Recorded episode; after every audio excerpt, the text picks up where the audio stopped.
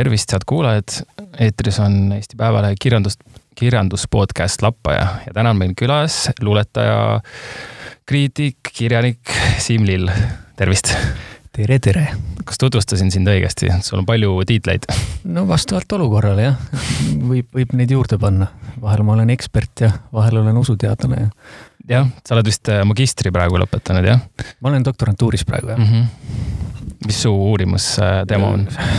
see on ka kirjandusega seotud, uurin kahekümne sajandi alguse kirjanduselu. aga siis sellise usuteadlase ja, ja esoteerika huvilise pilgu läbi. sul oli vist, äh, oli ka see magistritöö oli Ernst Enno teemal kirjutatud, kui ma õigesti mäletan? ma võtsin Enno jah ka kõrvale. lõpuks see ikka selline natukene, natukene jahumine mingitest teooriatest, aga, aga see lõpus üks, üks kolmandik on ikkagi Ennost ka kas mul, mul alati, noh, kui ma ise olin ka, õppisin ülikoolis, mul jäi selline mulje natuke, et see noh, humanitaarias ongi väga raske mingit teooriat üles ehitada, sest et alati pead sa lõpus ütlema, et see pole veel lõplik ja, ja sellele saab vastu vaielda, et ma kuidagi nagu pettusin selles natuke. nojah, variant on see, et sa siis pakud ise mingi teooria välja ja, ja lähed sellega edasi, aga magistris on alati see, et tahad nagu kõike lugeda ja siis lõpuks on sulgi täpselt kümme mingit suurepärast inimest, kes kõik on kirjutanud täiesti erineva arusaamaga teooria ja siis, siis vaidlevad omavahel lõbusasti. ja siis sa pead need kuidagi kokku panema? jah, ideaalis ju võiks, aga ma ei tea, ma nüüd üritan mingit enda, enda lähenemist paika panna, et aitab kah, ei viitsi lõputult neid teooriaid lugeda jah, saan täiesti aru ja, ja usuteadus on siis äh, see, mida sa oled õppinud juba bakalaureusest alates, jah? jah, lõputult. sellest on nüüd ikka päris, päris palju aega möödas, kui ma, kui ma bakasse astusin, aga usuteaduskonnas jah. kas, äh, no vähemalt ka sinu äh, artikleid lugedes tundus mulle küll, et see on kindlasti noh, no loomulikult ongi, kui sa oled seda õppinud nii kaua, mingi asi, mis äh, läbi mingi prisma läbi, mille sa vaatad siis ka nagu kirjandustekstidele näiteks. ta on kuidagi noh, loogiliselt külge jäänud jah, et alguses, kui ma astusin sisse, siis ma tahtsin lihtsalt Tartusse ja, ja humanitaariat. et ei olnud väga vahet, kas ajalugu või, või isegi ajakirjandus oli vahepeal mõttes, sõbrad läksid kõik ajakirjandust õppima aga siis jäi kuidagi usuteaduskond ja, ja mida aastad edasi, seda, seda õnnelikum ma olen. sest see on niisugune väike oaas veel, et, kirjandus, kirjandus on samamoodi Tartus, et seal on, kõik tunnevad kõiki ja on kuidagi niisugune mõnus, mõnus õhkkond. selles mõttes oas nagu, et seal on oma selline ja, ja, ja. mingi jah, ringkond. mingi asi, mis püsib või kuidagi niisugune järjepidev, et ei ole niisugust massi, mis lihtsalt läbi, läbi jookseks ja, ja, ja oma teed edasi läheks, et jah kas sõpradest, kes läksid õppima ajakirjandust, said ka ajakirjanikud pärast? Äh, jah, mul üks hea sõber oli pikka aega Tartu kurikuulsa äh, ajalehe Tartu Ekspress peatoimetaja, nii et äh, ma ei tea, kui palju neist jäänud on, osad, osad, osad natuke flirtisid ajakirjandusega, aga siis läksid, läksid edasi kas suhtekorraldust või, või midagi muud, osad läksid välismaale. aga jah, võib-olla kõige, kõige, kõige lähedasem sõber jah, kes oli, oli, oli just Tartu Ekspressi peatoimetaja, et see andis hea, hea sissevaate, kuidas ühte head ajalehte teha. Jah, see mm, ajakirjanduse kohta muidu öeldakse millegipärast huvitaval kombel, et või ma mäletan, et mm, kui ma ise kaalusin selle õppima minemist, siis mu ema sõbranna, kes oli üheksakümnendatel ajakirjanik, ütles, et, et seda ei ole vaja õppida, et pigem õppige noh, ajalugu või usuteadust või semiootikat, nagu ma ise õppisin näiteks. ja, aga noh, seal oli jälle see, et lihtsalt see seltskond oli nii äge, aga, aga mm -hmm. noh, see ei välistanud, usuteaduskonda astudes ei välistanud ju see, et, et nende inimestega võiksid ikka edasi suhelda. no muidugi. kus nad ikka kaovad. jah, ja kuidas su enda suhe on ajakirjandusega ja ma ei tea, meedia, meediaga, et äh, sa oled peamiselt Sirbis kirjutanud? jah, noh, kui mingeid arvustusi kirjutada, ega neid kohti ju väga palju ei ole, et sellist iganädalast asja peale Sirbi ei olegi. noh, suured lehed ka muidugi, aga, aga, aga Sirp on ju kuidagi selline koduseks kod,, kodukohaks saanud. nüüd ei saa enam sealt ju, mitte ei, ei tahagi, ei tahagi kuskile minna. aga muidu, muidu loen ikka igapäevaselt, praegugi just see kroonika, mis mul siin ees on, et ja. põnevusega sirvisin. absoluutselt, igalt poolt võib mõtteid leida jah, kas just mõtteid peabki leidma, et võib ka lihtsalt natukene. elu kahtekümmend nelja väga hea meelega näiteks äh, scroll in läbi ja, ja ühesõnaga ma ikka loen, ma päris nüüd nii hull ei ole nagu Mati Unt olevat olnud, et hommikul ärkas, ma ei tea, mis kellast need kioskid lahti tehti ja ja ostis siis kõik ajalehed korraga ja, ja tunni-kahe pärast olid tal need loetud ja siis ta hakkas neid ette kandma teistele.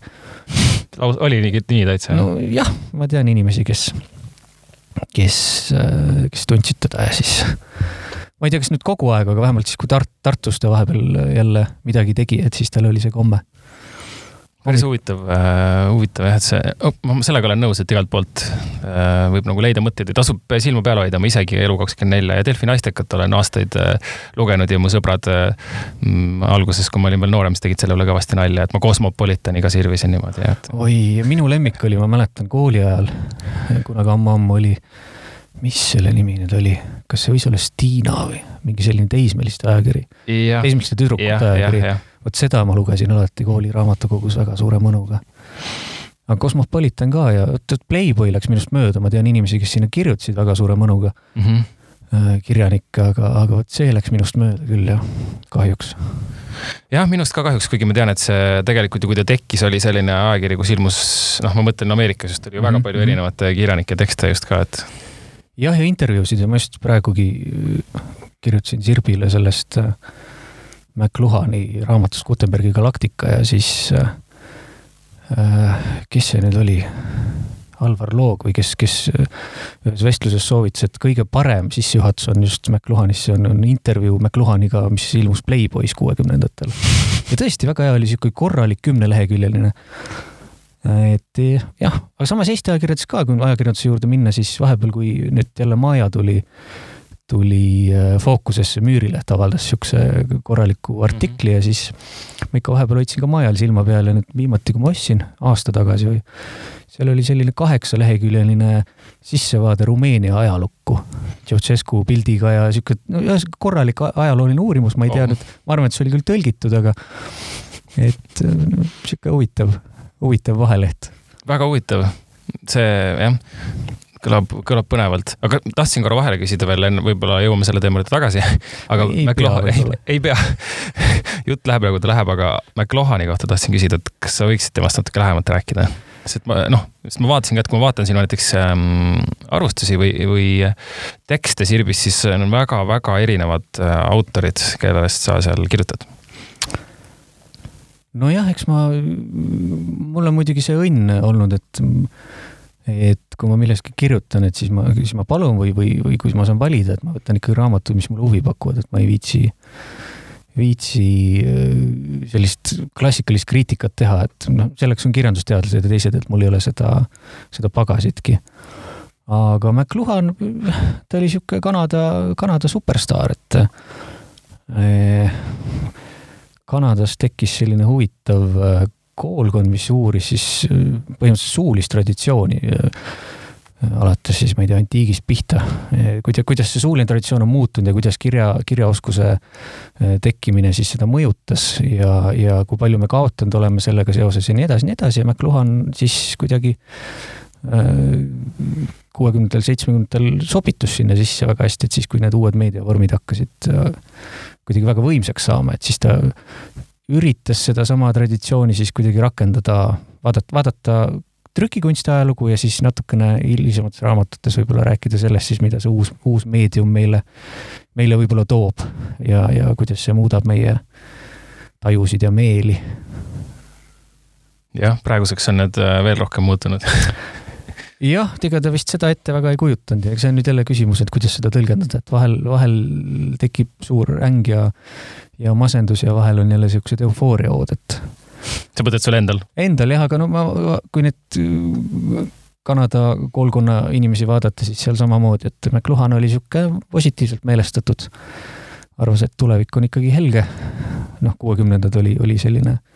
see oli helge aeg jah Hel,? helge aeg ka, kus loodeti, et nüüd jah, päike, päike tõuseb ja jääb särama ja muutub kõik, aga, aga eks seal oli teisi ka, kes, kes olid siuksed veidi kibedamad ja siiamaani kusjuures äh, mõned arvavad, et, et ka nüüd, kui see koroona, millal iganes see läbi peaks saama, et, et ka sellele järgneb selline, järgnevad uued kuuekümnendad või kahekümnendad või midagi sellist. ja mina tean inimesi, kes arvavad, et see ei saagi kunagi läbi, nii et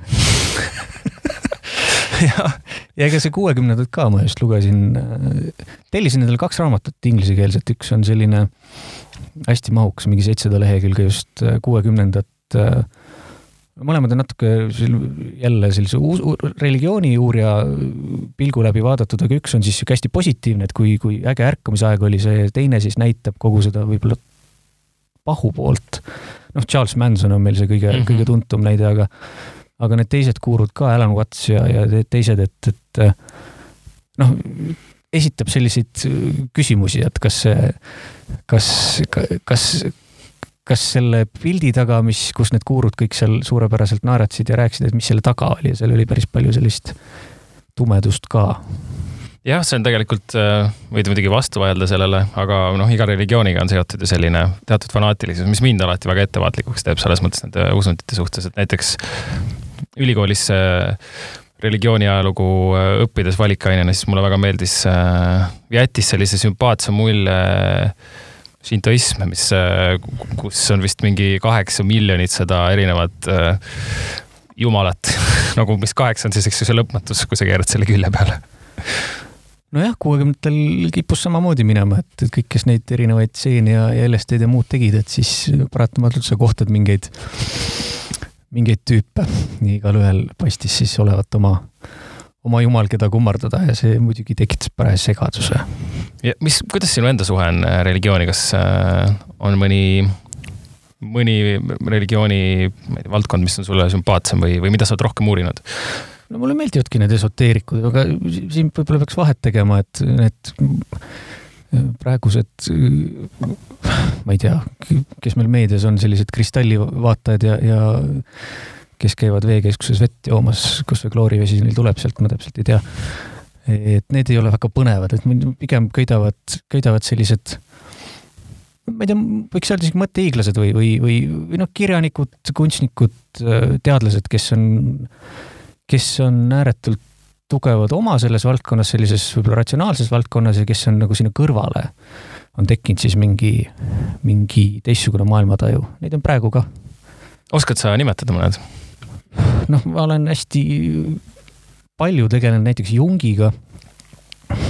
noh, kirjanikest näiteks seesama Ernst Enno, kunstnikest Kandinski näiteks, kes mm., kelle, kelle manifestilaadne asi just ilmus ja sürrealistid näiteks samamoodi, sürrealistid, dadaistid, et, et tegelikult nad kõik ju mingit pidi flirtisid nende, nende teemadega.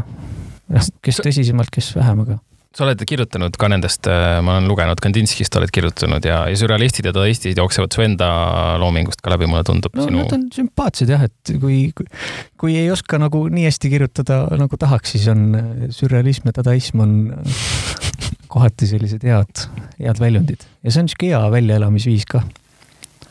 kas äh, kui, kui tuleme korra sinu enda loomingu juurde, siis, ähm, siis jah, minu, sinu tekste lugedes mulle paistiski, et, et seal on, on sellist, sellist sama elementide vaba segamist nagu, nagu näiteks sürrealismis ja nagu dadaismis ka. No mul ei ole väga palju tekste ilmunud, mis ma olen kuskil kirja, kirja pannud ja mis kogemata on ikkagi kuskil siis ära trükitud. Nad on enamasti olnud siuksed esinemise tekstid, et, et, nad nagu tekstina võib-olla ei töötagi nii hästi, et. et sa mõtled, et suulised, et sa oled ja, ette ja, lugenud? jah, jah, jah, et, et sihuke äh,. meil on sõpradega selline väike performance bänd Iso Pullo. jah, Vikipeedia muide täitsa ütleb, et on selline kollektiiv jah, ja, ja, ja nendega koos oleme me teinud päris siukseid äh, lustakaid asju, aga no see on selline võib-olla väga toores energia, et, äh, et inimesed on lahkunud hirmunult Teie esinustelt meid vaadates jah, ja ma olen murdnud ribisid ja, ja nii edasi, et. väga, see kõlab minu meelest väga ägedalt. kas, mis instrumenti sa ise mängid seal?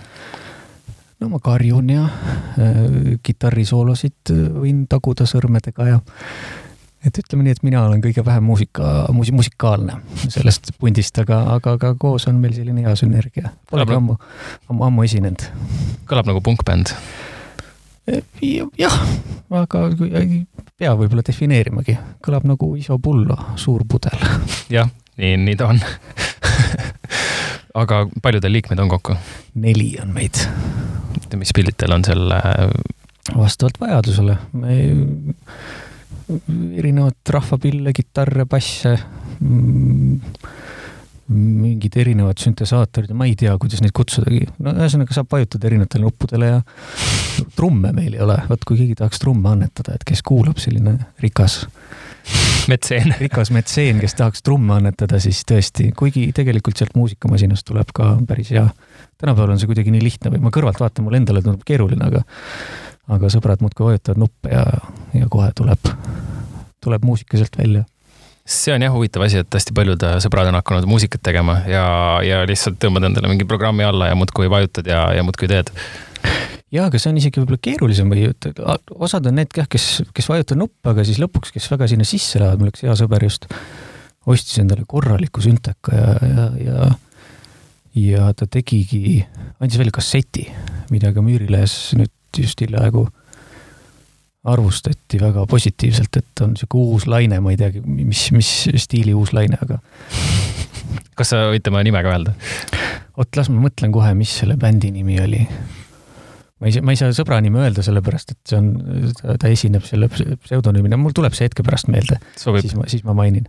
Et äh, jah, kassettide peale üldse on hakatud jälle andma no, välja muusikat, ma olen, noh, see on mingi selline trend või selline jah, eksklusiivkaup.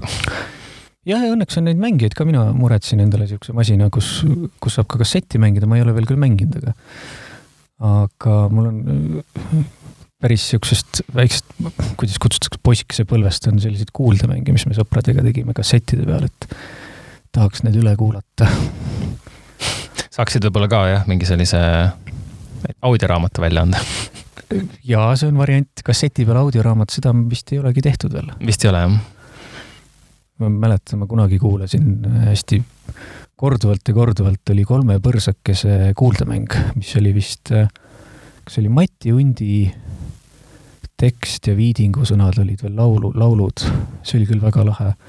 vot kui jälle, kui metseeni kuskil on, et kellel on see kassett, siis ma jubedalt tahaksin seda uuesti kuulata. ma ükskord guugeldasin hästi põhjalikult, aga seda, seda varianti ei olnud kuskilt saada kas, äh, kuidas sul üldse on suhe muusikaga, et kuulad, kuulad palju või, või pigem, äh, või pigem mitte?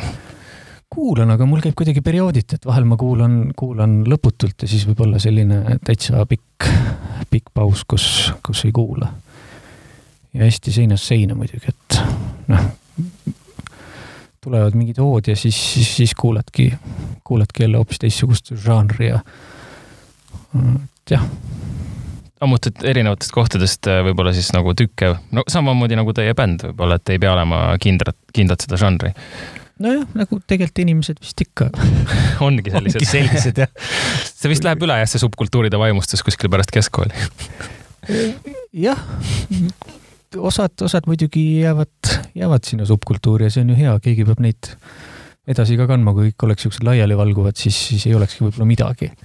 Pole peale hakata jah midagi nende intelligentidega nii palju nojah, aga samas on jälle hea, et on selliseid hästi põhjalikke, Tartus on meil see muusikaskõne päris, päris tugev, et muusikaviktoriinid ja, ja ja erinevad üritused, kus siis, kus siis natukene haritakse ka inimesi, kes, kes võib-olla ei oska nii hästi selle massi seest ise otsida välja neid häid bände, et jah, see on tõsi, see on hea, et kui on olemas sellised sõbrad, äh, kes, kes soovitavad alati muusikat, kui sa mm -hmm. ei jõua kõike jälgida, et see on mulle ka alati meeldinud. ma vahepeal tegin, ma, mul oli sihuke hoog tuli peale, et ma võtsin ette kõik mingi mitme aasta parimad džässalbumid. no mõtlesin, et no vot nüüd, nüüd kuulan. nüüd hakkad džässi kuulama. ja, ja no džäss mulle väga meeldib, aga see oli täpselt see, et kaheteistkümnest albumist siis üks oli see, mis nagu meeldis. ja see oli ikka sihuke suur töö, et ma kujutan ette, et see peaks muusikakriitikuks hakkama, et kui tahta siis seda essentsi sealt leida. ja noh, maitsed on muidugi erinevad, aga. oled sa muusikakriitikat teinud? las ma mõtlen. no niimoodi suuliselt küll jah ei, ma vist kuskil kirjutanud ei ole, ma ei tea, ei kunstikriitikat vist olen isegi. ma olen isegi nüüd jah, ka kunstinäitustele sattunud, mis on väga naljakas kunstnikuna. ja räägime kunstitegevusest ka. Äh, no meil oli just hiljaaegu oli selline, või noh, mina olin seal hästi väike osa sellest, aga sihuke äh, kaootiline näitus Tartu kunstimajas, mille pealkiri oli vist Sama viin igaühe suus. see oli väike austusavaldus siis mingit pidi Kristiina Ehinile, aga ma ei mäleta enam, kust see tuli igal juhul see oli jah, sihuke päris paras kaos, Tartu kunstikriitikud kirjutasid sellest väga sihukese õnnetu, õnnetu arvustuse ka, et näed, kus nüüd noored, noored teevad pulli. ei meeldinud see asi neile miks ta neile ei meeldi, mis need, need kriitikapunktid olid siis? no see, Tartus on selline suurepärane peosari nagu Sünk ja, ja, ja, ja see, ütleme niimoodi, et see näitus oli selline äh, süngi essents, et kõik, kogu, kogu süngi nendel üritustel käia, et siis, äh, siis seal on see võib-olla kuidagi esteetilisemalt laiali laotatud, aga nüüd, kui võtta see väike saal, kus meil oli see kõik, et siis, äh, siis seal pandi jah, kõik ilusasti, ilusasti kokku ja, ja see võis inimesi ehmatada, et seal oli müra ja, ja võis tunduda, et tegemist on kohati ka prügiga ja, ja vahel võib-olla läkski sassi see, et kas, millega nüüd oli tegu. aga see on nagu, kui võtta nagu puht ka kunsti kontekstis, see võib olla ju absoluutselt vaataja selle maitse küsimus või, või vaatepunkti küsimus, et kumb ta siis on, et ja võib-olla nad üks ja sama, kui minna väga filosoofiliseks kätte. no vot, see ongi jah see, et tänapäeval on nii, noh, keeruline seda kõike eristada, aga, aga ma üldsegi ei kahtle kahtle kõigi nende kunstinäitusel osalejate äh, selles, mis see sõna nüüd on, äh, kompetentsuses või selles suhtes, et see ei olnud ikkagi kergekäeliselt kõik seal. et mina, mina olin võib-olla see kõige kergekäelisem komponent seal aga mis laadi näitus see oli, kas oligi nagu performance'id siis? Või oli see visuaal, noh, visuaalkunsti näitus ikkagi? seal toimus vist ka perf-, perfakaid mingeid natukene, aga ta oli jah, et ikkagi kohapeal kogu aeg kedagi ei olnud, et seal oli helisid ja heliinstallatsioone ja ja kas, kas ka mingeid videoinstallatsioone, ühesõnaga liikumist, liikumist ja, ja, ja paigalseisu ja ja tuli ennast niimoodi läbi, läbi pressida vahepeal näitusest ja eks ta natukene võib-olla oligi, et võib-olla hakata ka harima neid noh, tollal oli just see Pärnu, Pärnu nii-öelda kunstiskandaal olnud, kus siis üks, üks ametnik ei, ei suutnud abstraktset kunsti haarata ja siis võib-olla siis nagu väik-, väiksed, väiksed tükid. ma loodan, et ta külastas ka seda näitust ja. hakkas äkki meeldima? hakkas võib-olla meeldima, jah. eks ta ongi raske, raske on sa mõtled äh, kunsti hindamine või, või? hindamine, tegemine ja, ja, ja mõistmine, kõik on keeruline. jaa, ma olen absoluutselt nõus. et aga kuidas, kuidas sulle endale mm, paistab, okei okay,, me oleme rääkinud nii kunstist ja muusikast kui ka kirjandusest, et um, millised, millised loojad sulle endale sümpaatsed on või, või kes sulle nagu meeldivad? Sa mõtled nüüd kõigis nendes valdkondades kahjuks küll jah, et ma mõtlen, et võib-olla kui sa suudaksid see on ilmselt raske aga nimetada mingi sellise, oh, seda, ma ei tea, kas seda üldse on võimalik teha, ma isegi ei oska. see on nii massiivne jah, et selles suhtes, et see on tegelikult ju, kui on selline äh, äge loov impulss, siis, siis leiab igast, iga, igalt poolt leiab midagi, et ma ei tea, noh muusikaski, et sa võid leida väga laheda mingi black metal mm. -hmm black metal suuna ja samal ajal võib olla, olla hoopis mingi, ma olen hiljaaegu just kuulanud, üks suurepärane prantslane oli, ah, mis ta nimi oli, Daniel Uu või kes, kes siis viiekümnendatel, kuuekümnendatel käis mööda maailma ringi ja siis korjas, korjas rahvamuusikat kokku veel nendes kohtades, kus nüüd praegu enam neid, neid pillimängijaid ei ole. Indias ja, ja Liibanonis ja ja Hiinas ja, ja neid on veel ja ma olen nagu sellist muusikat kuulanud, aga tõesti, sa võid väga ägedale black metal kontserdile sattuda ja, ja, ja seal on see impulss täpselt olemas samamoodi ja, ja võib-olla isegi mitte ainult impulss, vaid väga, väga mõtestatult kõik, et ei ole ainult kitse ohverdamine, vaid see on selline eh, teadlik kitse ohverdamine.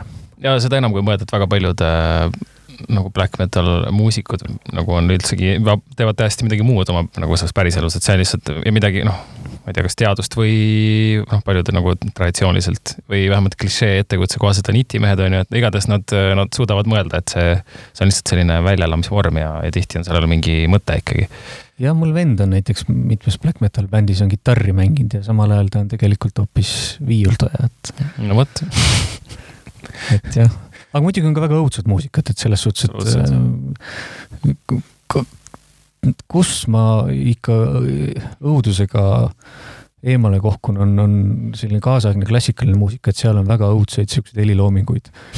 mis on küll mõeldud tõenäoliselt selleks, et, et, et hirmutada, aga, aga mul ei ole kannatust sageli. kas sulle ei meeldi nende, ma ei tea, kompositsioon või sulle tundub, et mis sul, jah, mis sind häirib nende juures? Füüsiline tunne. Ei, on väga-väga ägeda kompositsiooniga, aga, aga, aga, aga kohati, vot Klassikaraadios oli, oli äh, pühapäeva hommikuti Marju Lepa ja mu sõber naeris alati, et oli selline äh, kas see oli soo-, mingi soovisaade või midagi sellist, pühapäeva hommikul hakkas üheksast pihta ja vot sinna sattus küll mingeid siukseid õudseid kriipivaid helisid, mida pühapäeva hommikuti ei oleks tahtnud kuulata et kindlasti on neil oma koht ja, ja jälle see eksperimentaalne muusika on väga-väga äge, aga lihtsalt seal on väga suur vahe, et kas sa oled mingil üritusel kuskil või sa oled laivis või see tuleb sul kuskilt raadiost niimoodi. Et jah, muusikaga on nagu muugagi, et sa pead ikkagi tegelikult ju keskenduma ja, ja, ja kui sa tahad kuulata, siis sa pead selle aja võtma, et sihuke taustaks, taustaks, taustaks vist ei sobi samal ajal sobib ka jälle, nüüd läks keeruliseks. ei, see ongi kõik, kõik, kõik asjad on jah, suhtelised, aga see on ka võib-olla vale, nii et. jõuamegi selleni, et mis on elu mõte. ja juba, juba jõudsime. tahtsin tegelikult äh, küsida vahepeal ka, et Marju Lepa eest oled sa ka kirjutanud ja te olite äh, head sõbrad, võib nii öelda? jah, võib, võib öelda puutusite palju, palju kokku ka tööalaselt, ma kujutan ette? no ta oli mu juhendaja ja, ja noh, lisaks sellele jah, et, et me sõbrad olime, oli ka jah, see akadeemiline pool, kuigi ma olin üks kõige kehvemaid neid juhendatavaid, aga miks nii? no ma ei jõudnud kunagi nende tulemusteni väga hästi või et magistriga ma nüüd tegin ka see Ernst Enno ja et ma tegin selle pärast Marju lahkumist, sest mul oli hoopis teised teemad, mul oli, hakkasin hilisantiigis pihta Plutarhosest ja siis tekkis nii palju neid huvisid ja nii põnev oli kogu aeg. et jälle istusime, rääkisime ja lugesid mingit raamatut, aga siis see kuidagi. töö edasi ei läinud, aga lihtsalt oli huvitav. nojah, et, et, et suund oli nagu olemas, aga, aga aastad lendasid. aga siis, siis tuli ennast kokku võtta ja, ja, ja tegelikult noh, ma ei tea, tulemus oli end-, endal oli põnev jälle jah, said midagi uut teada alati nende uurimustööde kirjutamisega, et siis sa võtad kokku ennast, ega sa muidu ilmselt võib-olla ei kaevuks nendesse äh, raamatutesse niimoodi. no kaevuks, aga jah, võib-olla mitte niimoodi, et siis jälle laseks, laseks minna. jah, see ongi see, see ongi see minu meelest suur võitlus üldse ka, kui võtta mitte nagu akadeemilise kirjutamise juures ainult, aga üldse loomingu juures, et jõuda sellest äh, sellest kirjutamis- või teadmiste kogumise lustist nagu selle vormi siis mm -hmm. vallamiseni kuidagi. no see on ka see, miks ma neid arvustusi vorbin võib-olla isegi liiga palju, et siis on mul nagu sund, sund lugeda esiteks raamat lõpuni, mul on see halb komme, et ma sageli võtan tohutu hunniku raamatuid ja, ja pooled neist jäävad, jäävadki kuskile poolikuna ja, ja teistpidi on just täpselt see, et siis sa pead nagu läbi mõtlema selle, et, et see on selline hea viis, mis, mis, mis sunnib seda tegema.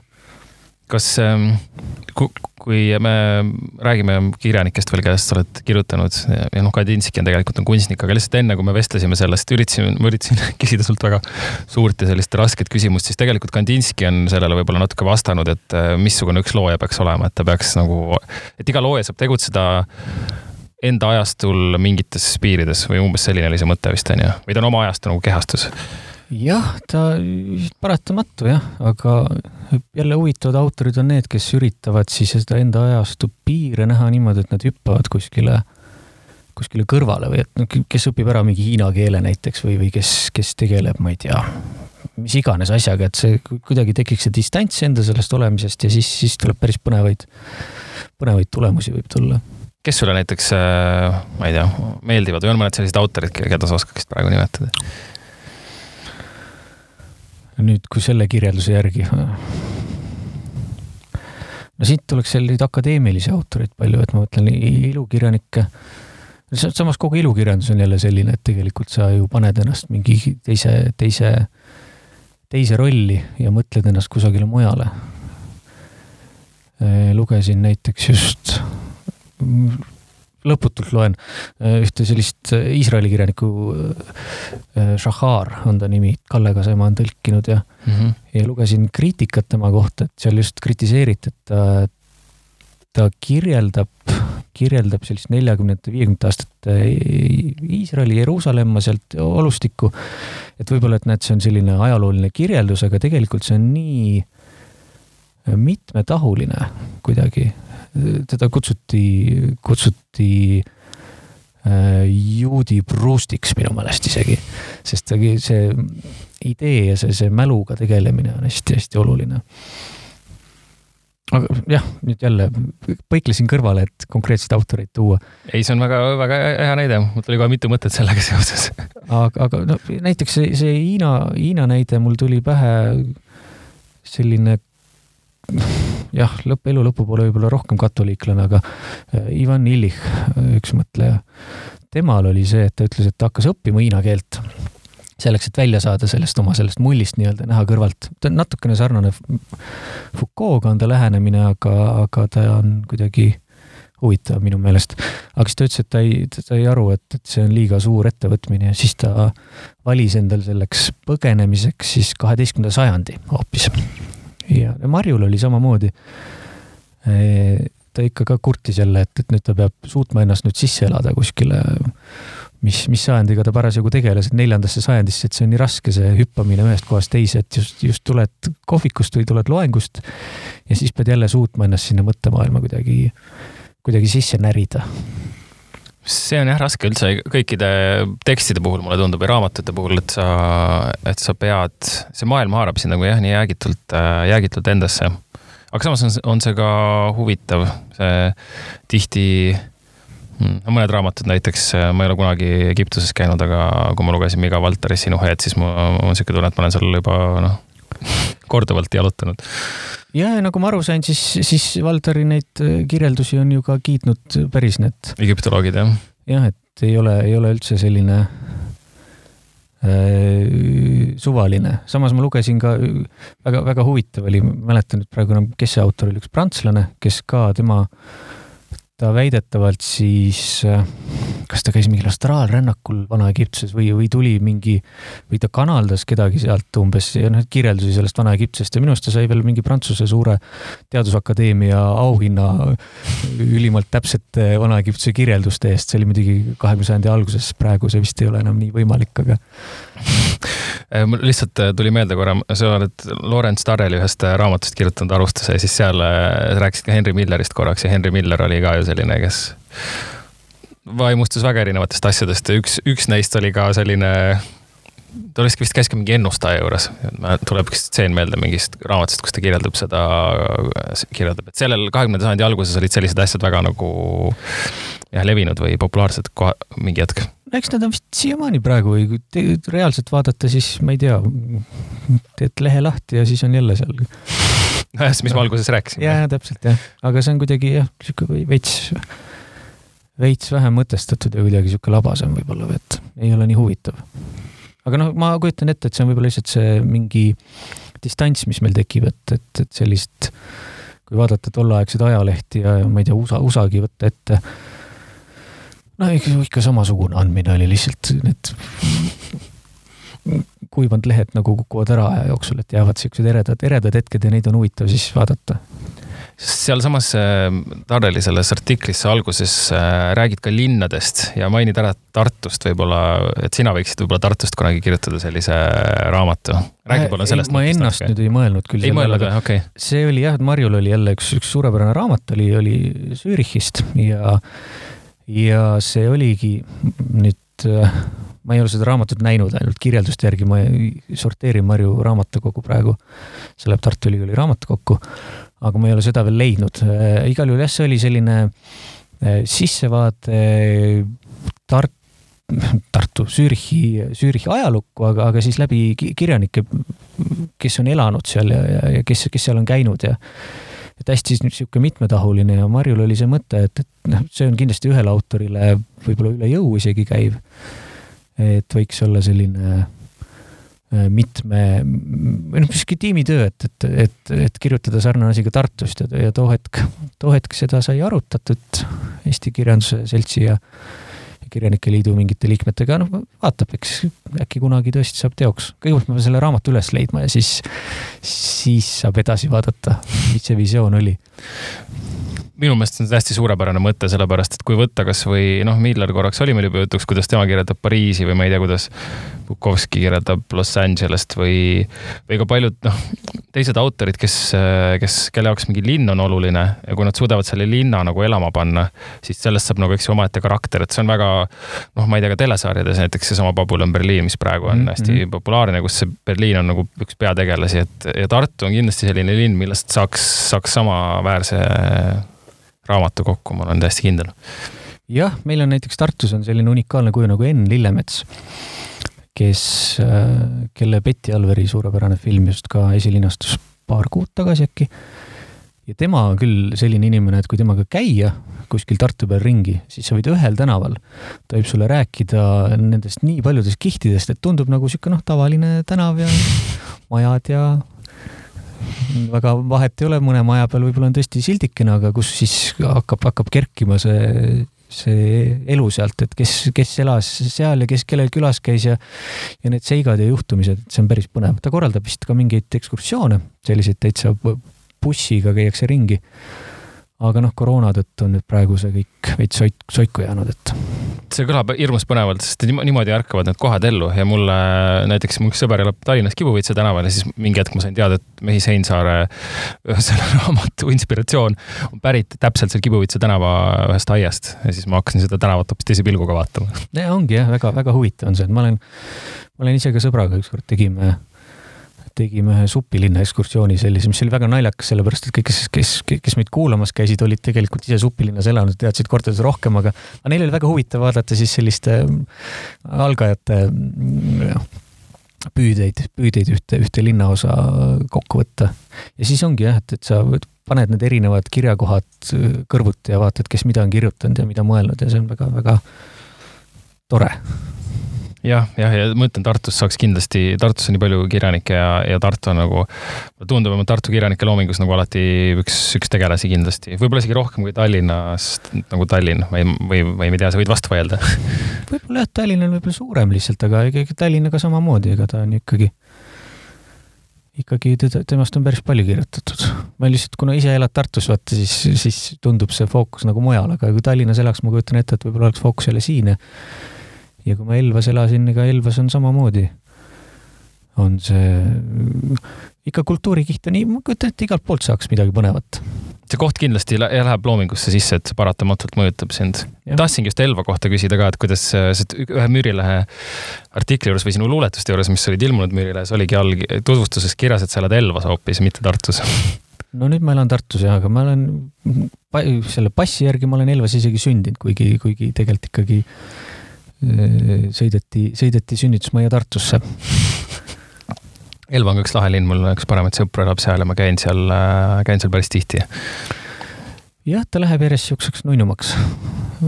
võib-olla isegi liiga, liiga, liiga modernseks kipub praegu minema, aga no see on jälle sihuke vanad, vanad elvakad on kurjad, et näed, kus, mis jälle, kuhu ehitatakse midagi. Verevjärv on seni veel rahule jäetud? no Verevjärves ka vanasti oli ikkagi, seal oli see baar, kus võis nuga saada ja et seal on ikkagi muutunud, muutunud, muutunud, vanad ajad olid paremad noh, Võsulgi on seitsmes taevas kinni pandud ja, ja ega ka Tallinnas ma mäletan ise ka, et vanasti ikkagi, kui välja läksid, siis oli noh, seal oht kaklusesse sattuda oli pigem suurem kui väiksem, aga nüüd on nagu pigem vastupidi.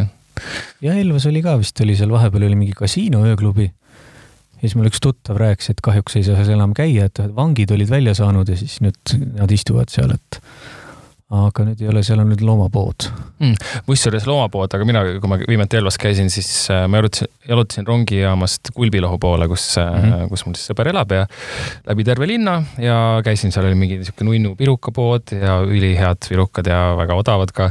ja jalutasin siis sinna Coopi poole no seal on kaks koopi, aga äh, ja siis, äh, mis mind hämmastas, oli see, et tänava peal lühikese aja jooksul oli viis apteeki. ma olin nagu šokeeritud, et kui palju neid, mul üheski kohas nii, nii mitut korraga näinud. nüüd on vähemaks jäänud, aga Elva oli apteekide kuningriik või pealinn või kuidas, kuidas sa tahad öelda, jah.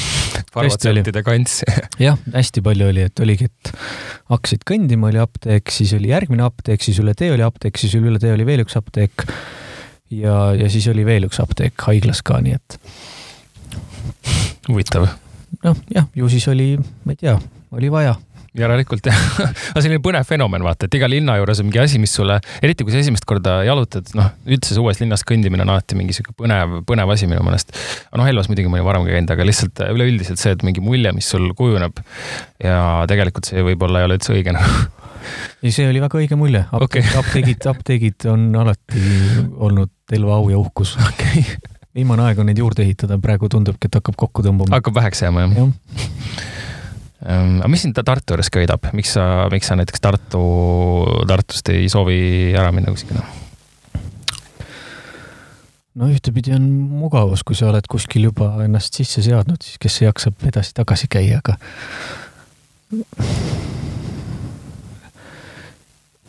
kohad kasvavad küll ja ma arvan, et võib-olla kui oleks Tallinnasse jäänud, ma olen Tallinnas ka elanud, oleks, mõtleks seda samamoodi Tallinna kohta, aga inimesed, kõik see, aga Tartu puhul muidugi see kompaktsus just ja et, et see on selline, kõik on hoomatav. olen, olen täiesti nõus, et äh, see mulle on Tartu juures alati meeldinud, et sa kuidagi jõuad igale poole ta nagu Tallinnat on raskem näiteks hoomata.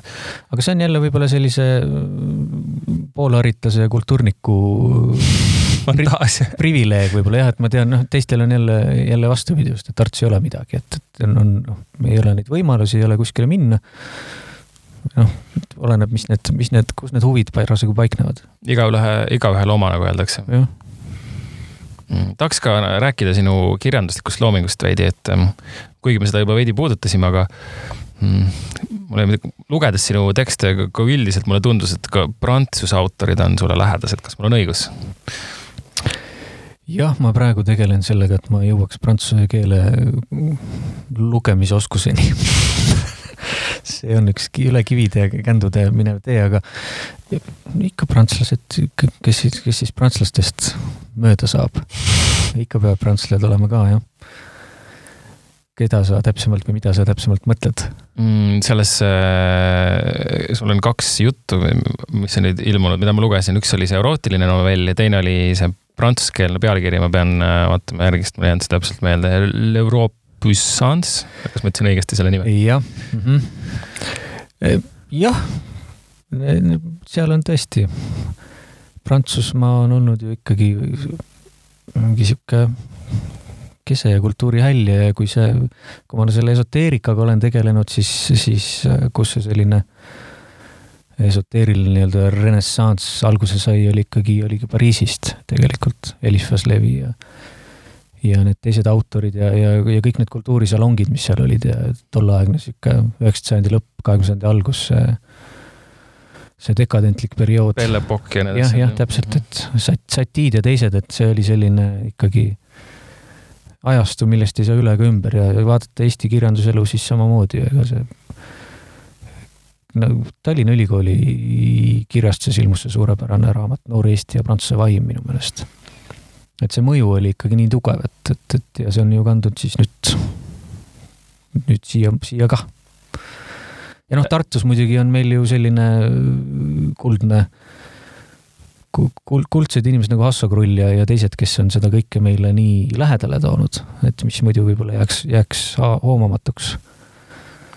et sealt ka see mõju kindlasti mm,. oled äh, tuttav kindlasti sellise autoriga nagu Louis Ferdinand Celine jah, ma ei ole lugenud kahjuks seda. see Reis öö lõpul ma just lugesin uh, -huh. eesti keeles ka ilmunud ja väga-väga soovitan. selline nooruse kuidagi seda ängi ja valu ja samas ka rõõmu ja, ja kõike, kõike seda muud, mis sinna juurde käib, väga hästi kokkuvõttev raamat mm. -hmm. küll üsna paks, selles mõttes, et võtab selle väga pikalt kokku, aga väga-väga hea ja just selline Proust, kellest me ka rääkisime, tema nagu vastand nii-öelda prantsuse kirjanduses.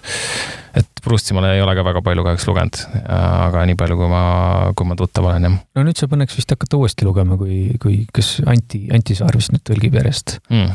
okei okay. Järjest seda massiivset peoteost, et eks siis, siis on põhjust ma tahtsin küsida selle tegelase kohta, kes su raamatus või ju raamatus, raamat, raamatu nimi jõuame ka, sest sul tuleb, eks ju, luulekogu varsti välja. no sellest võime rääkida, jah. sellest peame kindlasti rääkima veel, aga kas tema nimi oli Alain Delon?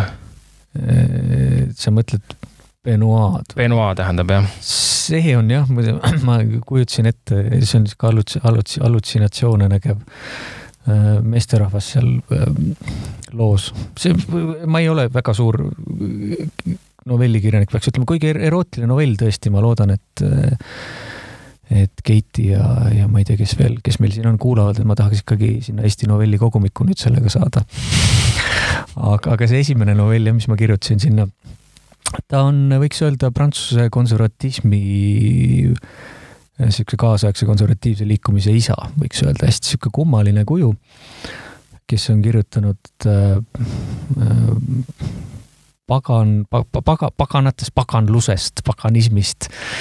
Ja, ja samal ajal tegelenud kogu selle äh, konservatiivse Euroopa ajalooga ja, ja mis see nüüd oli, see liikumine, mis on siiamaani Prantsusmaal väga, väga tegev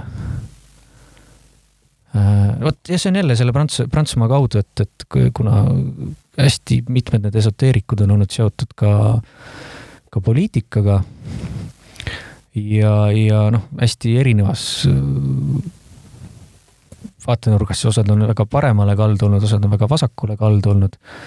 et siis sellega seoses ma olen, olen sattunud igasugustele radadele. et muidu mind noh, poliitika kaugele tögada meeldib küll ja, ja, ja need Isopulla kontserdid on ka vahel väga metsikuks läinud, aga aga, aga üldiselt jah, noor, noor, noorpoliitikut must ei saa, aga aga see on jah niisugune väike vanamees, kes siis ilmus, ilmus ja midagi seal jauras, ma ei mäleta, mis ta seal selles novellis jauras minule noh, üldse sinu neid ka luuletusi lugedes mm, tundsin ära neid situatsioone, sul on ka üks, üks tekst selle kohta, kuidas näituse avamistel on hea käia, sest seal saab veini ja siis selline, et sa põimid väga palju elemente nagu huumori, siis jällegi sellised kirjanduslikud ja ka usundiloolised viited, kui lugeja neid äh, nagu teab. Kui ta ei tea, siis tegelikult ma arvan, ka ei juhtu sellest midagi, ega ma ka kõiki ei teadnud, kui ma lugesin, et, et see lugu läheb nagu edasi, et seal on hästi palju erinevaid kihte, millega on võimalik siis nagu haakuda erinevatel äh, lugejatel no ja tore kuulda, eks ma siis üritan äh, jõuda selle finessini, et, et, et ükskord nagu päris kirjanduseni siis jõuda. päris kirjanikuks saada, jah. kaks raamatut, siis olen Kirjanike Liidu liige ja siis on elu ilus. on umbes niimoodi, kahega saab juba või? no sul peavad soovitajad ka olema. õigus jah. aga no, neid ikka leiab. Neid ikka leiab jah võib ka täitsa ilma raamatuteta saada, Marju näiteks võeti minust auliikmeks või ja noh, niimoodi, kus sa muud, mujal au ja kuulsust korjad, kui ikkagi käid podcast ides rääkimas ja. nii see on. tutvustad ennast meedias. jah, täpselt, täpselt jätad endast intelligentse ja huvitava inimese mulje, siis see töötab alati jah ja.. aga mm, jah, ja sürrealism ja dadaism ka, millest me juba rääkisime, et seda ma, ma mainisin ja huumor ka kindlasti on tähtis element noh, Tartus meil oli, ta on natukene elab Tartust eemal, selline Tart-, Tartu tada, tadaliikumise suurkuju Jaan Malin. et tema, tema kaudu ma tegelikult, kuna ta korraldas neid luule, luuleprõmme, mida praegu, praegu siis korraldavad teised, Sirel, Sirel ja Toomas, mis on väga niisuguseks, Tartus ega ei olegi ühtegi teist ürituste sarja praegu, kus saaks lugeda, ma tean, Tallinnas on siin see viimane neljapäev ja mingid muud, aga meil on kuidagi kujunenud nii, et see slam'i sari, mis on selline võistluslik äh, luule lugemise vorm, et sellest on saanud natukene ka selline vaba lava vorm, et kus inimesed üldse saavad esineda, et väga palju muid võimalusi ei ole.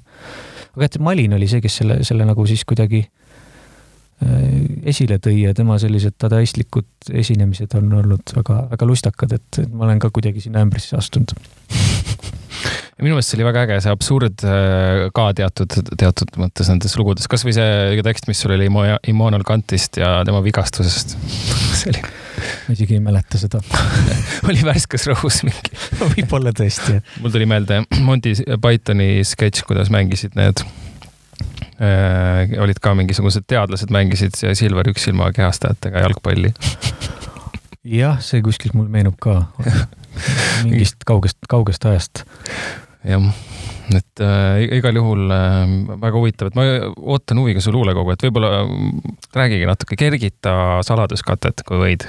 No vot, kas luulekoguni ka ma jõuan, see on iseasi küsimus, aga tõesti, see on nüüd reklaami koht, et et mul on plaanis juuni alguses teha suurejooneline luulekogu pealkirja esitlus.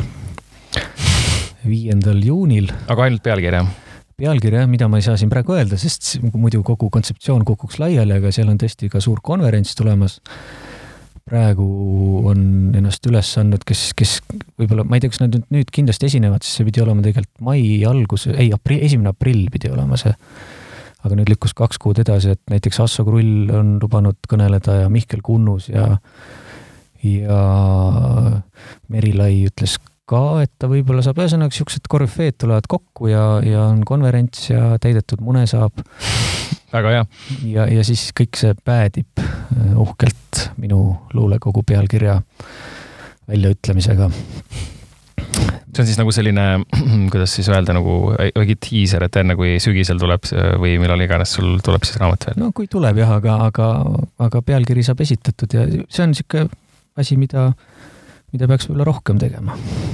et pealkiri kui selline on, on, on muutunud marginaalseks, pealkiri tuleb jälle tagasi au sisse tõsta. et asjade nimetamine on ikkagi oluline. jah, ikka. päris, päris nimi on ju olnud traditsiooniliselt väega, väega asi. ja nii on jah, kuigi samas on ka, kui me alguses rääkisime natuke sellest äh, sõnalise ja kirjaliku kultuuri erinevust, siis, siis äh, asjade nimetamine on, jah, annab neile väe, aga teisest küljest on keelel ka selline ankurdav mõju, et sa lihtsalt siis sellega nagu kaotad seda või keel võib jääda vaeseks, et äh, samas võiks asju kirjeldada ka visuaalselt või, või siis heliliselt. no seda küll, jah aga noh, see esitlusel ongi see ju olemas, et siis, kui on ikkagi välja peetud pealkirja väljaütleja, siis ta on visuaalselt olemas, tema hääl on oluline, mul on üks konkreetne inimene mõttes. aga ma olen juba kaks kuud hoogu võtnud, et talle kirjutada. Et seal on kõik need elemendid tegelikult olemas. lahe, sa võid öelda talle, kui sa tahad siin raadioeetris, et. ei, ma saadan ikkagi, saadan ikkagi kirja kõigepealt. okei, okei okay,, viisakalt. jah jah, see on tõsi, mul, äh, kui juba läks reklaami tegemiseks, siis kui mul endal tuleb äh, raamat välja, tegelikult see on juba nii kaugel, et peaks trükki minema järgmisel nädalal ja siis äh, ja ma ka seda pealkirja veel välja ei ütle, sest ma kavatsen seda ka varsti teha nagu niimoodi ka umbes juunikuus ja sellises, sellises vormis, et et äh, ma ei tea, mis vormis veel, sest et praegu on ju, ei tea, kas koroonapiirangud leevenevad, et kas sa, saab seda teha no,? vot jah, see on hea küsitav, aga, aga. vabas õhus äkki? no minul ongi praegu, et alternatiiv on see, et meil on kirjanduse majas on siseõu, sihuke päris korralik, suur, et, et teha seal, aga Tallinnas ju vabas õhus oleks väga mõnus ka. absoluutselt. muidu ongi kõik kuskil, kuskil, kuskil sees alati ühte, ühtemoodi mm,. kuidas sul Eesti kirjanduse elu üldse paistab, vaadates, oled, oled kursis ja, ja kas, kas hindad seda, kuidas sa tervist hindad? no tervis on väga hea, A pluss. võiks, noh, tegelikult ikkagi on ju sihukest kähmlust ja kaklust ka, et, et, et ei ole sellist ära, äramandumist. et sellised jah mingite eriparteide tekkimine ja, ja väiksed sõnasõjad ja asjad, et see on, see on päris sihuke tore mulle, mulle see meeldib jah, erinevus rikastab ja igas, igas mõttes, et see, siis tekib diskussioon ja tekivad äh, noh, mingid uued ideed. jah, natuke võiks muidugi rohkem andmist olla, ma mõtlen, et, et kui jälle nende sürrealistide ja dadaistide juurde minna, et mm -hmm. võiks olla sellist, sellist, sellist, sellist poolt veel, aga tegelikult on ju, on ju seda kah, ma mõtlen, kogu see Kiva paranoia mm -hmm. kamp ja, ja, ja nii edasi, nii edasi, et, et, et ikka siit ja sealt ja tegelikult selliste asjadega ei saagi nii, seda ei saa nii palju olla, muidu ta muutub kuidagi tavaliseks, et siis ongi hea, kui on, on väikest, väikestes annustes. aga üldiselt jah, hindan, hindan heaks. jah, mulle paistab üldse Eesti kultuuri vaadates, et väikse riigi kohta on meil tegelikult ikkagi väga palju erinevaid asju on jah, no eks muidugi jälle siin on seda, ma ei tea, kes, kes, kus, kus, kus paikneb, et ma tean inimesi, kes on väga võib-olla poliitiliselt jälle, jälle meelestatud ja kes, kes tunnevad suurt põlgust kogu kultuuriajakirjanduse suhtes ja ütlevad, et see on niisugune ma ei tea, vasakpoolsete kants, aga ma olen, olen kuulnud selliseid solvanguid kuskil baaris öösel karjutavat, aga mm. -hmm aga noh, samal ajal mina ei ole küll näinud, et, et kui keegi tahaks kirjutada täitsa sellist noh, mõtestatud teksti, et, et talle öeldakse ei või et et noh, noh, okei okay,, on, on küll võimalusi, ma tean, et inimesi, keda, keda ei avaldata ja nii edasi, nii edasi, aga seal on muidugi alati põhjused. üldiselt isegi kui, noh, mulle tegelikult ei meeldi väga statistikaga asju põhjendada, aga kui võtta ajakirjanduse see vabaduse indeksis Eesti on ikkagi väga heal kohal seal, et. ja, ja need para-, paralleelid on alati olemas, et see, et sul on alati võimalus mingi teise kanali läbi siis öelda, kui halvasti kõik on. senikaua, kui sul see võimalus on, siis tundub, et on kõik ikkagi päris hästi. jah, jah, ja tegelikult eh, ma arvan ka, et Eestis, kui sa lähed, eh, tahad midagi avaldada ja kui sul on selline argumenteeritud ja ma ei tea, mõistlik, enam-vähem korralikult kirjutatud tekst, siis sa ikkagi leiad selle avaldamisvõimaluse endale. noh, raamatuid samamoodi, et, et äh, inimesed annavad ju neid ise välja ja et, et selles suhtes see teebki asja põnevamaks, kui sa jälle leiad kuskilt, kuskilt mingi, mingi ise välja antud asja, asja, mis on tegelikult väga äge.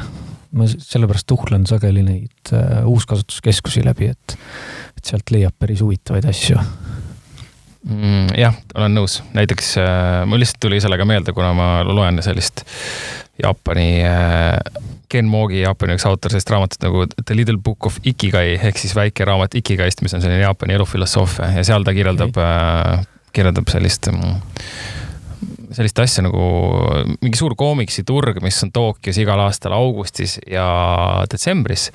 ja igale inimesele antakse lett, mille suurus on siis vist, oli üheksakümmend korda nelikümmend viis sentimeetrit, mis on põhimõtteliselt olematu. sinna peavad siis mahtuma ma ei tea, mitukümmend tuhat äh, nende koomiksite müüjat ja, ja, ja seal ongi just põnev selle turu juures on see, et seal ei ole niimoodi, et sa oled mingi kuulsam või kõvem äh, tegija, siis sa saad endale ma ei tea, rohkem ruumi, vaid kõigil on võrdsed võimalused. ja, ja tihti seal käiaksegi ostmas selliseid rariteete, mingeid mm asju, mida keegi on ise välja andnud ja võib-olla ongi, ma ei tea, ainult mõned eksemplarid. jah, kõlab hästi.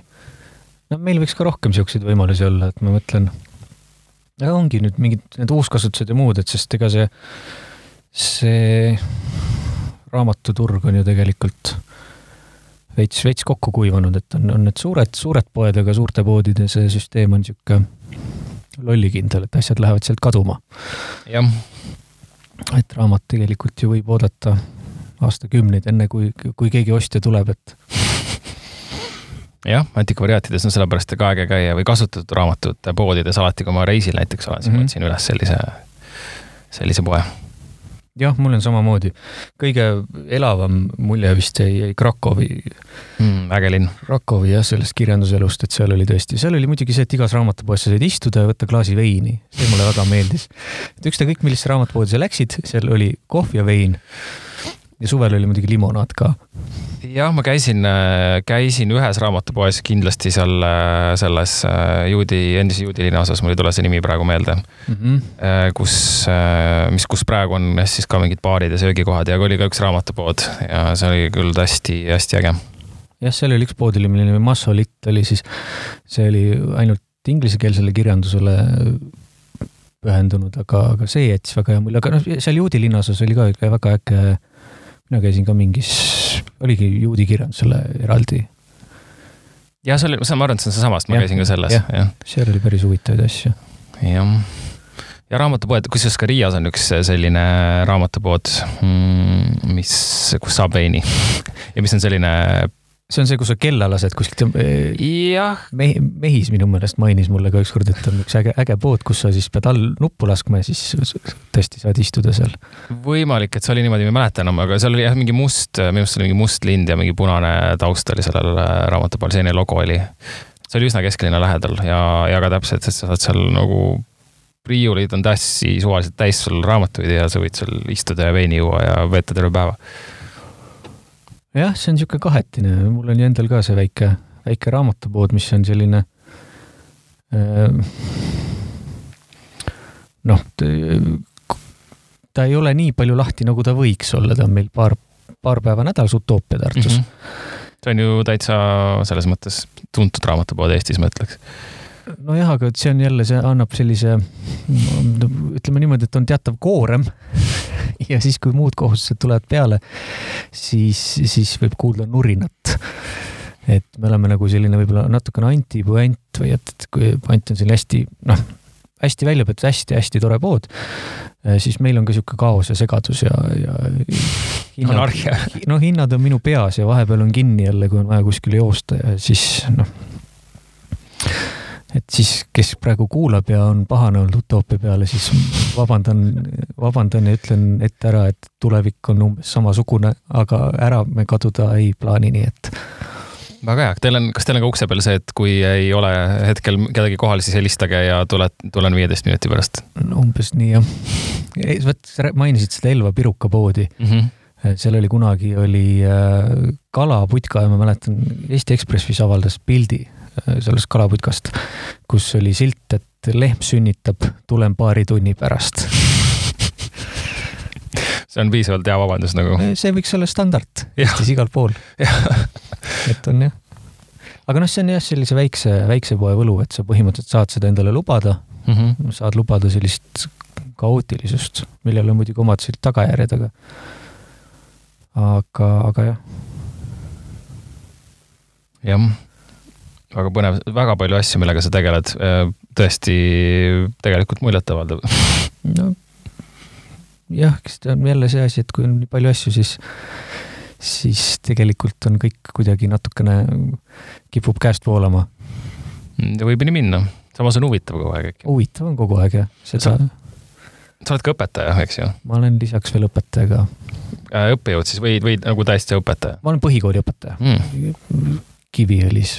mis, äh, mis ainet sa õpetad? Eesti keel ja kirjandus et kõik on, ma olen nii osav, et ma olen kõik asjad omavahel äh, kuidagi kirjandusega sidunud, et, äh, et põhimõtteliselt kui kirjust, kirjutad arvustust, siis sa saad mõtteid, mõtteid õpetajaametiks ja, ja samal ajal saad ka oma doktoritöö jaoks panna, et muud moodi ei saaks, kui kõik asjad oleks eraldi, siis, siis läheks, läheks päris suureks kaos, kao-, kaoseks, jah. Jah, ilmselt küll mm,. ma vaatan, et saateaeg hakkab enam-vähem niimoodi juba saama no nii jah. saama kuskile, et äh, tahaksin, tahaksingi võib-olla veel lõpus küsida, küsida sinu käest raamatusoovitusi. ja, ja selleks kuulame siis vahepeal hästi korraks muusikat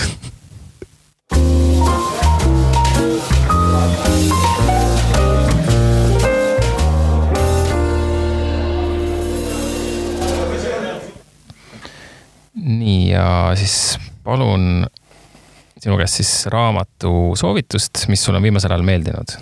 ma haarasin suure hooga, ma muidugi võtsin eestikeelset kirjandust, ma ei hakanud, hakkan muud kirjandust kaasa võtma, aga ma kõigepealt teen reklaami, sellepärast et ma sattusin puhtjuhuslikult ka kirjastamise otsa ja, rohkem ma kirjastada ei plaani midagi, aga, aga Utoopiaga me kirjastasime Tartu siis natuke aega residentkirjanikku olnud äh, Ron Whiteheadi luulekogu Ööd muuseumis, mille Doris Karev on, on tõlkinud ja ja nüüd, kuna koroona see piirangute aeg on läbi, siis ma loodan, et see raamat jõuab ka varsti, varsti raamatupoodidesse, see on niisugune mm, hästi äge sihuke vana mees oli see hipi seitsmekümnenda, seitsmekümnendatele eluaastatele lähenev ja ta ööbis siis Karl Ristikivi majamuuseumis ja, ja, ja kogu see raamat on siis põhimõtteliselt Tartus, Tartus olles kirjutatud, et siin on päris huvitavaid selliseid äh, kõrvaltvaataja pilguga äh, äh, austusavaldusi Eesti ajaloole ja, ja Tartu elule ja, ja Tallinna elule ja nii edasi, nii edasi, et see on tõesti, soovitan lugeda. ja siis, mis ma veel, mulle, hakkasin mõtlema, mis eelmine aasta väga toredat oli ja mulle väga meeldisid äh, kaks raamatut, mis on olemuselt natuke sarnased. sellised miniatuurid, üks oli Aino Perviku Miniatuurid mälupõhjast, mälestuste raamat. Äh, selline hästi lühike raamat, võiks öelda, aga, aga, aga kõik see on nii välja peetud ja kuidagi hästi, hästi hästi ära kristalliseerunud, et seda oli hästi-hästi-hästi tore lugeda. mälestused siis Eesti ajast ja, ja, ja paralleelselt siis praegusest ajast, et äh, võib-olla siis sellise ühe kadu, kaduva põlvkonna, kaduva põlvkonna sõnad ja, ja teine miniatuuride raamat on, äh, on Öivind äh, Ragnoi Oled ikka veel see poiss mis äh, on niisuguse värske kirjastuse nagu Seitse sõlme välja antud ja siin on ka tema sellised mälestused, ta kasvas üles äh, Norra, noh, ilmselgelt nime järgi öeldes norrakas, elab nüüd praegu Eestis, õpetab, õpetab eesti keelt, mitte eesti keelt, norra keelt õpetab ülikoolis. suurepäraselt oskab eesti keelt ja võitis ka Alveri auhinna esimese luulekoguga. Need on tema sellised poisi, poisipõlve mälestused, aga jällegi, et need ei ole nagu lihtsalt mälestused, vaid need on sellised mõtisklused, mis on väga head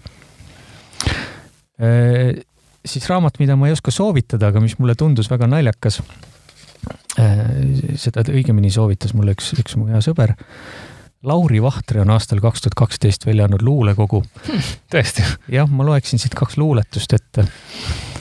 üks on optimistlik, mis ei tapa, tapab teinekord. ja siis on tal siin üks veel, jälle see öökapp.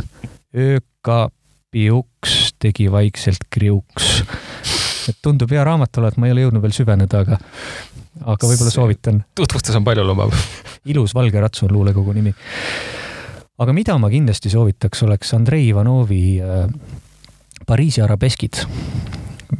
Ivanov on ju siis noh, rohkem tuntud võib-olla romaanikirjanikuna, aga siin on, siin on koos siis tema sellised novellid Äh, arvustused ja raamatu keskel selline selgroog ongi siis Pariisi arabeskid, sellised, äh, teagi, kuidas neid kutsuda, jälle natukene miniatuurid, äh, kuidas, kuidas kirjanik Ivanov käib, käib Pariisis ja mis ta seal kohtab ja mida ta mõtleb.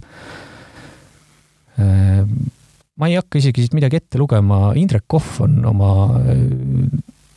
Youtube'i lehel lugenud väga häid kohti sellest raamatust ette, et soovitan minna Indreku Indreku Youtube'i lehele ja siis ma vaatasin, et ma ei ole jõudnud ise lugema hakata, selle aasta esimene Loomingu raamatukogu oli ka Andrei Ivanovi Untermensch, minu lõhki kistud osa. ma arvan, et see on ka asi, mida, mida kindlasti peab lugema jah, selle kohta ma olen äh, kuulnud, et see on, see on täitsa hea ja, ja mõlemad, noh, Ivanov minu meelest üldse taha, okei okay,, ma ei, parim, parim ei taha öelda, ütleme nii, et Eesti üks kolmest parimast kirjanikust kindlasti, kes on praegu tegutseb. Teda on hea lugeda jah, ja selline hea kirjandus, suur, suur kirjandus, võiks öelda. jah, et kui seda Eesti suurt romaani siin vahepeal hullult taga jäeti, siis minu meelest ta on, ta on, kindlasti on tal mõned kandidaadid sellele ja,. jah, jah et.... noh, soovitada võiks ju igas, igasuguseid asju veel, aga need on Muidugi. need, mis ma, mis ma praegu raamaturiiulist niimoodi kaasa haarasin. huvitav, et sa selle Ainu Perviku raamatu tõid välja, seda on juba kaks inimest, keda ma olen äh, nagu siin varem kutsunud saatesse ja kellega me oleme vestelnud, on, on seda maininud. mul oli ka see, et see oleks must täitsa mööda läinud või noh, see Viljasalve kirjastus äh,, seal oli teisi asju veel, mulle väga meeldis see Rein Raua romaan, sihuke krimka, krimka ja ulmekas mõnus lugemine. aga, aga hästi, lihtsalt hästi paljud tõesti soovitasid ja siis lõpuks taaskord juhtus see, et ma kirjutasin äh, väikese sellise äh, tutvustuse selle, sellest ühte ajakirja ja, ja, ja siis oli põhjust, põhjust süveneda ja tõesti, see on väga hea. just see miniatuuri vorm on, see on nii keeruline vorm tegelikult, et, et kui, kui sellised meisterkirjanikud selle ette võtavad, siis on, on lust lugeda. jah, ma olen nõus, eriti praegu noh, kus inimestel on kiire, siis äh, ma tean ka, et paljud sõbrad ütlevad, et seda raamatut ei võta kätte, sest see on liiga, liiga paks lihtsalt, et selle ja selle jõuab ikka nagu läbi vaadata, sirvida jah, ja osadel ei tule see jälle välja või, ja osadel on niisugune kaootiline, et näiteks Mihkel Mutt on hästi palju niisuguseid mõtteid avaldanud ja mulle näiteks üks raamat, üks nendest kahest mõtteraamatust meeldis väga ja teine mulle üldse ei meeldinud. ma ei mäleta, kumb oli kumb. et kes meil neid veel sellised on, Jüri Kolk muidugi alati kirjutab väga lustakaid selliseid äh, miniatuure, võib neid ka miniatuurideks kutsuda äkki. Jah, see on selline lastud, lastud jah, vot see on see hea sõna selle kohta aga aitäh, Siim, suur tänu sulle saatesse tulemast. no aitäh kutsumast ja tore, et said ka Tallinnasse tulla vahepeal. kuule, see oli jah üks suur põhjus, miks ma ennast nüüd kokku võtsin, et ma siis ühendasin mitu asja nagu ikka ja. meeldiva kasuliku jah, aga muidugi ma soovitaksin, mida ma soovitaksin veel lugeda, on, on viimasel ajal Paavo Matsin on, on, on äh, hakanud ääretult palju kirjutama ka arvustusi, mida ta vahepeal ei teinud, et, et hoidke Sirbil ja, ja Loomingul ja Vikerkaarel silma peal, et tal on väga lustakad lood juba ilmunud ja tulemas on ka häid asju. ühe nüüd kas järgmine nädal või ülejärgmine nädal ilmuva arvustuse peategelaseks olen ka mina. no vot, selline asi.